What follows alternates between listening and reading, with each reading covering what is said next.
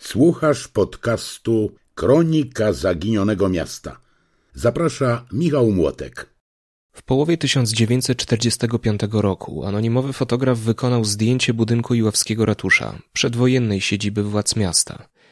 Przedwojennej, bo polska władza administracyjna znalazła swoje miejsce tam, gdzie już wcześniej usadowiły się radzieckie władze wojskowe i polskie organy bezpieczeństwa, przy ówczesnej ulicy Stalina, a dzisiejszej Kościuszki. Ulica ta jako jedyna pozostała niezniszczona.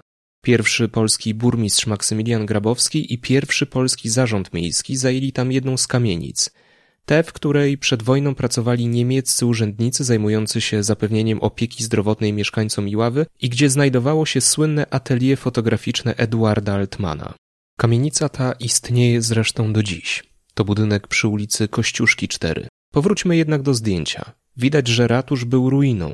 Skrzydła budynku były zniszczone, dach nadpalony, wnętrza splądrowane, okolica zagruzowana. Mimo to władze miasta podjęły próbę odbudowy ratusza.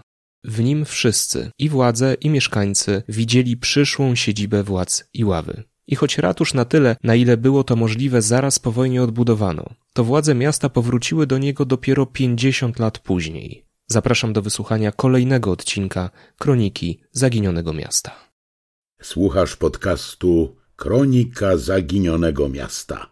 Budowę Iławskiego ratusza rozpoczęto w 1910 roku. Burmistrzem miasta był w tym czasie Karl Friedrich Gize, który zresztą po zakończeniu budowy nowej siedziby władz miasta zamieszkał w niej, zajmując południową część obiektu. Według notatki prasowej, do której dotarłem, Gize, ubiegając się o fotel burmistrza w 1910 roku, pokonał ponad 100 konkurentów.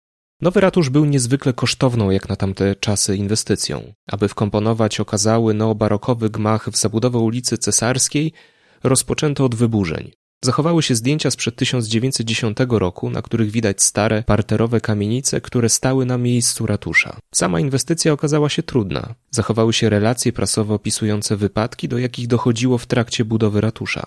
Jeden z nich był śmiertelny. Ostatecznie budowę ratusza ukończono w 1913 roku. To też nowy fakt.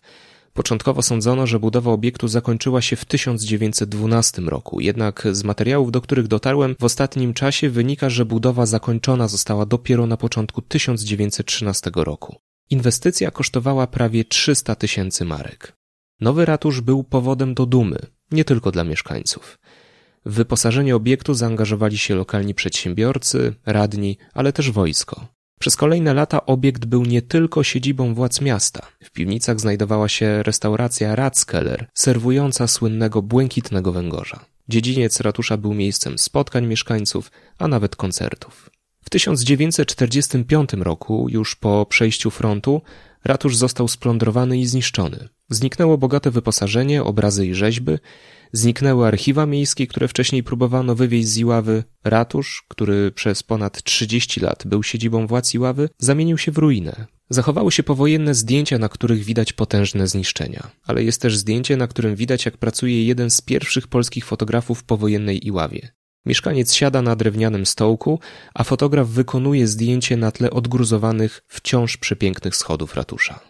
W takiej zniszczonej Iławie pojawili się w maju 1945 roku polscy urzędnicy. Pierwszy polski burmistrz Iławy nie miał wielkiego wyboru. Jedyne niezniszczone i niesplądrowane budynki znajdowały się przy ulicy Stalina. Zarząd miejski zajął tam budynek niemieckiej kasy chorych, który w maju 1945 roku zajęli na moment funkcjonariusze UB. Warunki były w tym miejscu trudne. Ciasne biura, brak większej sali obrad, dlatego wszyscy patrzyli z nadzieją, że uda się na nowo zagospodarować budynek ratusza. Wtedy już nie przy ulicy Cesarskiej, a przy ulicy Głównej. Temat zaczęto oficjalnie podejmować w 1947 roku. W kwietniu tego roku radny Miejskiej Rady Narodowej Mieczysław Gołębiowski złożył wniosek o naprawę sali obrad i części biur, tak by mogli tam pracować polscy urzędnicy i by mogły się tam odbywać obrady Miejskiej Rady Narodowej w Iławie. Burmistrz Maksymilian Grabowski poinformował wtedy radnych, że należałoby rozpocząć od pokrycia dachu, że takie prace można byłoby wykonać, ale przede wszystkim trzeba uprzątnąć gruz, który zalega cały czas wokół ratusza. Radny Mieczysław Gołębiowski zaproponował, by pracę te wykonali radni wraz z pracownikami zarządu miejskiego. Tak też się stało. Po miesiącu prac w maju 1947 roku gruzy spod ratusza, rękami radnych i urzędników, zostały usunięte.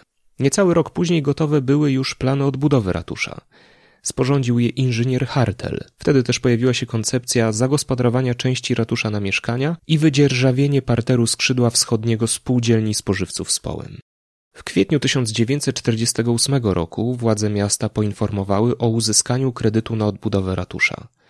Inżynier Hartel dostał zielone światło na odbudowę zniszczonego budynku. Przystąpiono do prac, jednak nigdy nie objęły one całego obiektu. W tym samym czasie wydarzyło się coś, co miało istotny wpływ na dalsze funkcjonowanie miasta. Z urzędem burmistrza w niejasnych okolicznościach rozstał się Maksymilian Grabowski, o czym więcej za moment. Kolejny burmistrz, Józef Sierż, nie był zwolennikiem przeniesienia siedziby władz miasta do ratusza. W 1949 roku do Iławy, odczytam fragment protokołu z obrad Miejskiej Rady Narodowej, dotarł transport drzewa budulcowego na remont starego ratusza. Ostatecznie jednak władze miasta i zarząd miejski nie przeniosły się do odbudowanego w części obiektu. Budynek wydzierżawiono spółdzielni spożywców z Połem. Budynkiem ratusza zainteresowano się ponownie w połowie lat 50.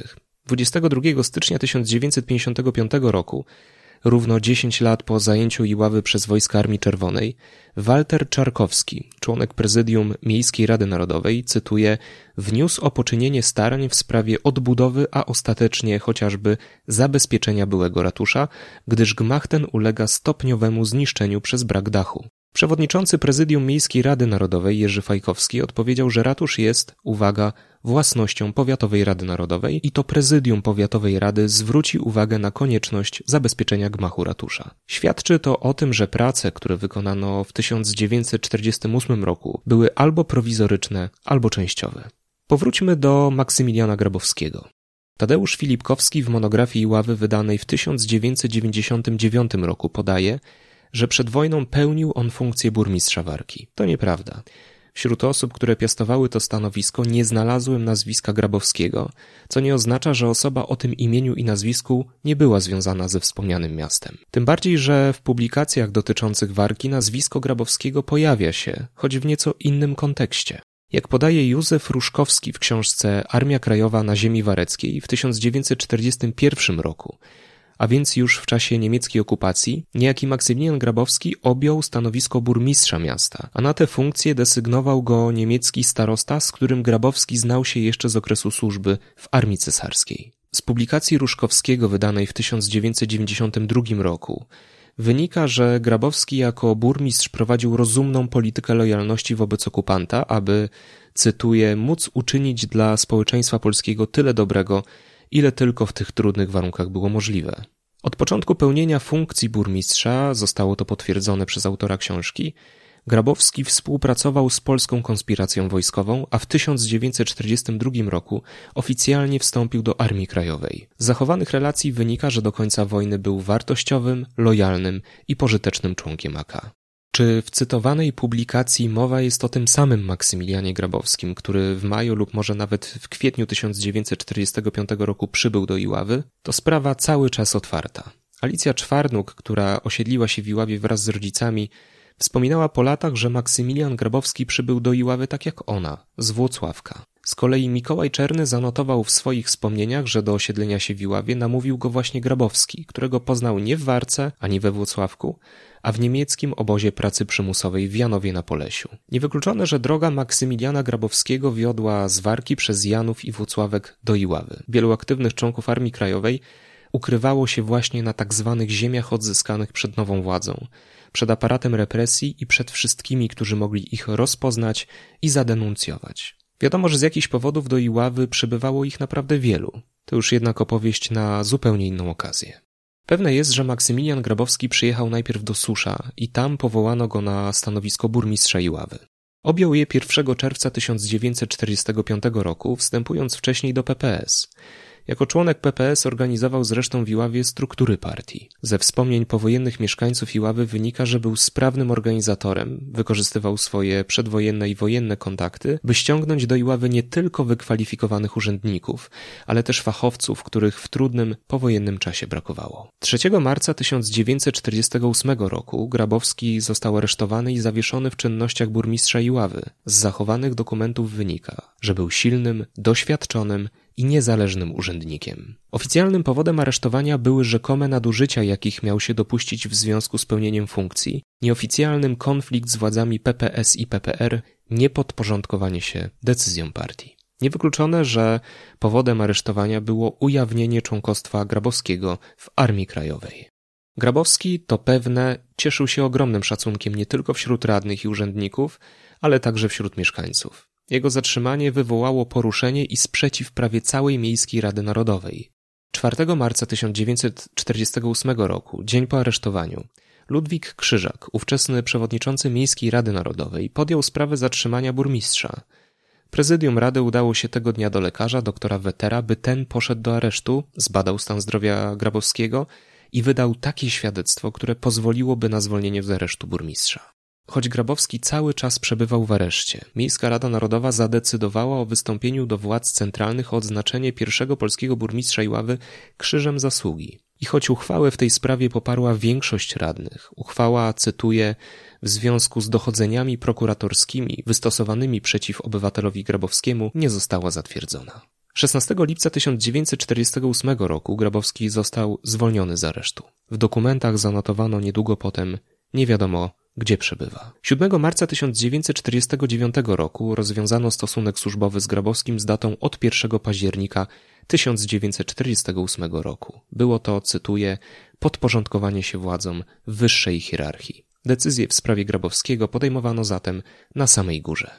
Kolejnymi burmistrzami Iławy byli Leon Krzykalski, Józef Sierż, który w niesławie uciekł z Iławy, ponownie Leon Krzykalski, Stanisław Perkowski, a po zniesieniu urzędu burmistrza do 1958 roku władzę w mieście sprawowali Adam Dzierżanowski, Zygmunt Lewandowski i Jerzy Fajkowski, mój dziadek.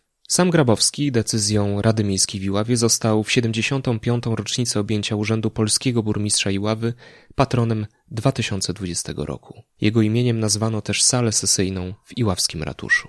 Z ratuszem wiąże się jeszcze jedna ciekawa opowieść. To historia przepięknego zdobionego łańcucha Bruno Grzywacza, przedwojennego burmistrza Iławy, który zaginął w trakcie wojny. O niej opowiem jednak w kolejnych odcinkach Kroniki Zaginionego Miasta. Tymczasem polecam Państwu film, który znajduje się w zbiorach internetowego Muzeum Iławy. Nakręcony został w 1993 roku przez Apolinarego Szymkowiaka i wieloletniego radnego nieżyjącego już Stanisława Żygadłę, którzy zdokumentowali, jak wyglądał ratusz na chwilę przed rozpoczęciem odbudowy. I jeszcze jedno. Niedawno, w trakcie jednego z edukacyjnych spacerów po Iławie, które od lat organizuję z Dariuszem Paczkowskim, otrzymaliśmy sporych rozmiarów półmisek z sygnaturą przedwojennej ratuszowej restauracji Ratskeller. Półmisek trafił do zbiorów prowadzonego przeze mnie internetowego Muzeum Iławy, a w przyszłości, jak wszystkie gromadzone przeze mnie pamiątki, trafi do zbiorów Iławskiego Muzeum. Ja nazywam się Michał Młotek, interesuje mnie wszystko, co jest związane z Iławą, Spotkajmy się w mediach społecznościowych. Czekam na Państwa pod adresem facebook.com łamane na michal.mlotek.ilawa. Zapraszam też do internetowego Muzeum Iławy na www.ilawasprzedlat.pl, czyli do tworzonej przeze mnie od kilkunastu lat bazy wiedzy o naszym mieście. Słuchasz podcastu Kronika Zaginionego Miasta. Zaprasza Michał Młotek.